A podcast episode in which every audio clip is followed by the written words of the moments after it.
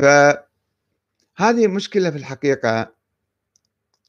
آه، طبعا كان بعض الناس في الدولة السابقة أو حتى ربما الآن لأنه أموال الدولة حرام كان الناس ما يتوظفون ما يروحون يشتغلون بالدولة. الأموال الدولة كلها حرام هاي تعتبر.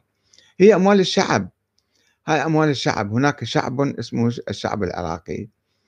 وهاي الدولة مرة تكون آه، نابعة من عنده مرة مسيطرة عليه. بس هاي الثروات الموجودة هي ثروات الشعب.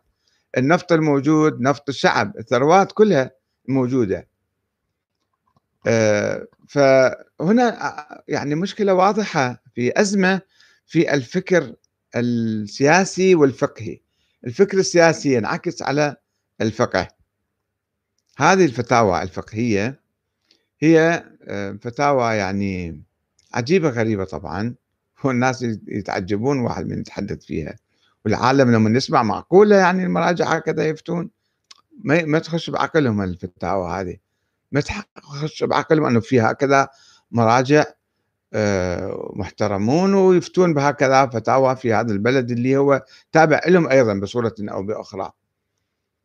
فهنا المشكلة إنه كما قلنا في أحاديثنا السابقة ثلاث مشاكل عندنا. المشكلة الأولى التي لم يجتهد فيها أحد من هؤلاء المراجع باعتبارها مسلمة وبديهية وواضحة وبعد ما يحتاج نتعب نفسنا وهي أساس كل المشاكل.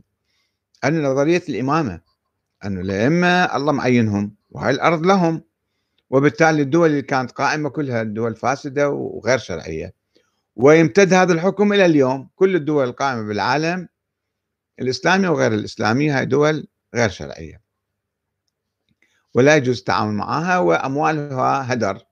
هي مو أموال الدولة هي مو أموال الحكومة هاي أموال الشعب. كل الشعوب أموال ثروات الشعوب هذه. ولكن هو لأنه في تخلف حقيقة تخلف فقهي وفكري كبير في داخل الحوزة. هم يدعون الاجتهاد ويدعون العلم ولكن بالحقيقة هذه كلها إدعاءات. وكل واحد حاط لقب آية الله العظمى وآية الله وكذا وبالأرض ماكو شيء ترى. آه، المشكلة الأولى هذه في نظرية الإمامة. وبالتالي هالأحاديث تجي آه، ياخذوها كأنها مسلمات كأنها آيات آيات قرآنية. وهذا ما موجود في القرآن. الشيء الثاني المشكلة الثانية وجود الإمام الثاني عشر أيضا لا يجتهدون فيه ولا يسمحون لأحد أن يجتهد. وإذا واحد اجتهد يحاربوه ويضربوه خاصة إذا كان مرجع أو عالم أو شيء بمسائل بسيطة يشنون عليه حربا شعواء. كما شنوا على سيد محمد حسين فضل الله اللي كان هو من عندهم. أيضا كان يؤمن بالمرجعية ويأخذ خمس وكذا ولكن لأنه آه، نافسهم في بعض الأمور واجتهد في بعض الأمور التاريخية البسيطة فحاربوه واعتبروه ضال مضل ومظاهرات ضده وخطب على المنابر وكادوا أن يكفروه. والشيء الثالث أنه آه، النيابة العامة. من قال أنتم أصلا نواب الإمام؟ هذا الإمام اللي هو مشى فيه. ولا تعرفوه. كيف أخذتم نيابة من عنده؟ هو أعطاكم هاي النيابة؟ فد حديث ضعيف خبر آحاد طاير بالهواء. لقفتوه وشبثتوا به وسويتوا نفسكم أنتم حكام شرعيين. المراجع ليسوا حكاما شرعيين ولا ولاة أمر المسلمين ولا أي شيء. ناس عاديين ناس عاديين قريت كم كتاب قال لك أنا صرت وكيل الله في الأرض هذا الشيء مو معقول. فيجب أن نتوقف عن التقليد. التقليد أساسا حرام. التقليد كما قال مؤسس المذهب الاثنى عشري في القرن الرابع الهجري قبل ألف سنة شيخ الطوسي والشيخ المفيد والعلماء الآخرون قالوا التقليد قبيح ومذموم وغير مبرئ للذمة ولا يجوز. على كل إنسان أن يفكر أن يفكر هاي الفتاوى معقولة صحيحة مو بس الفتاوى كل الفتاوى اللي صادر عنهم كل هالمرجعية كل هالمنصب اللي حاطيه لهم.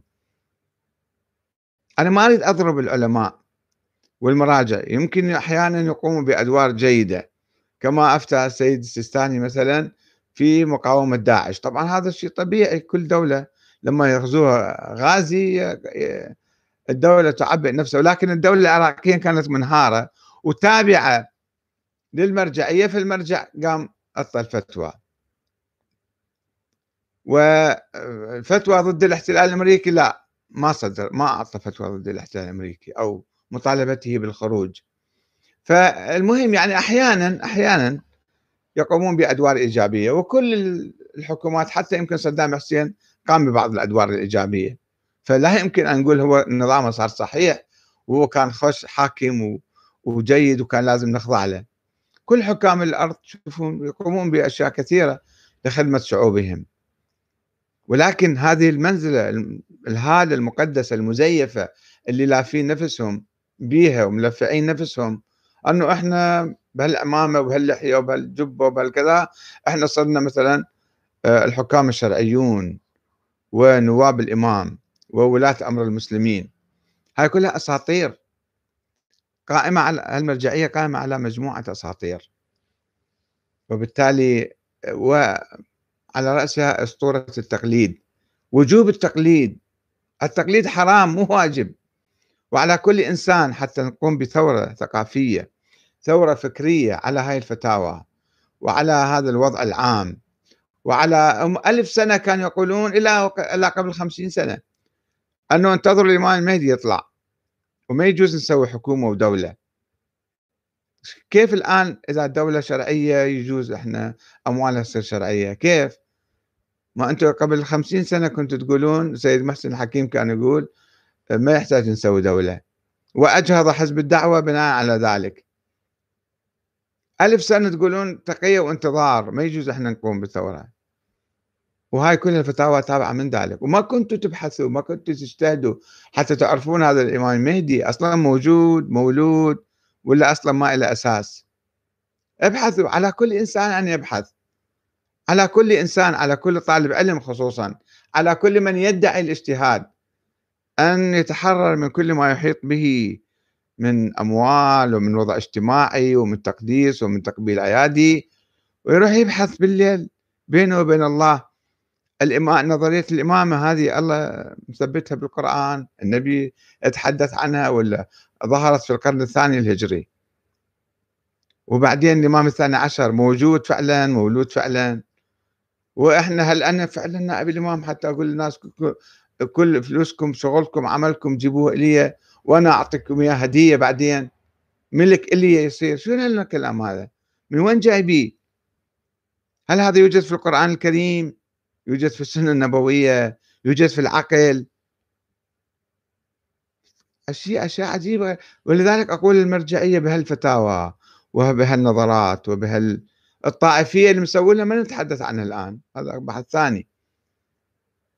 ولكن هالأفكار هذه هاي تدمر الشعب العراقي تدمر الشيعة. ما تنقذهم ما تقدمهم ما تسمح ببناء دولة. دولة تصبح نهب لكل من لكل ناهب ولكل سارق. يعني أنا آسف أنا أحترم آه، الأشخاص سيد محمد سعيد الحكيم. ما عندي شيء وياه ما أنا ما أتكلم على شخصه وإنما على هالنمط من الفتاوى على هالأفكار. وهاي الأزمة التي تعيشها الحوزة الآن الحوزة اللي تسمي نفسها علمية.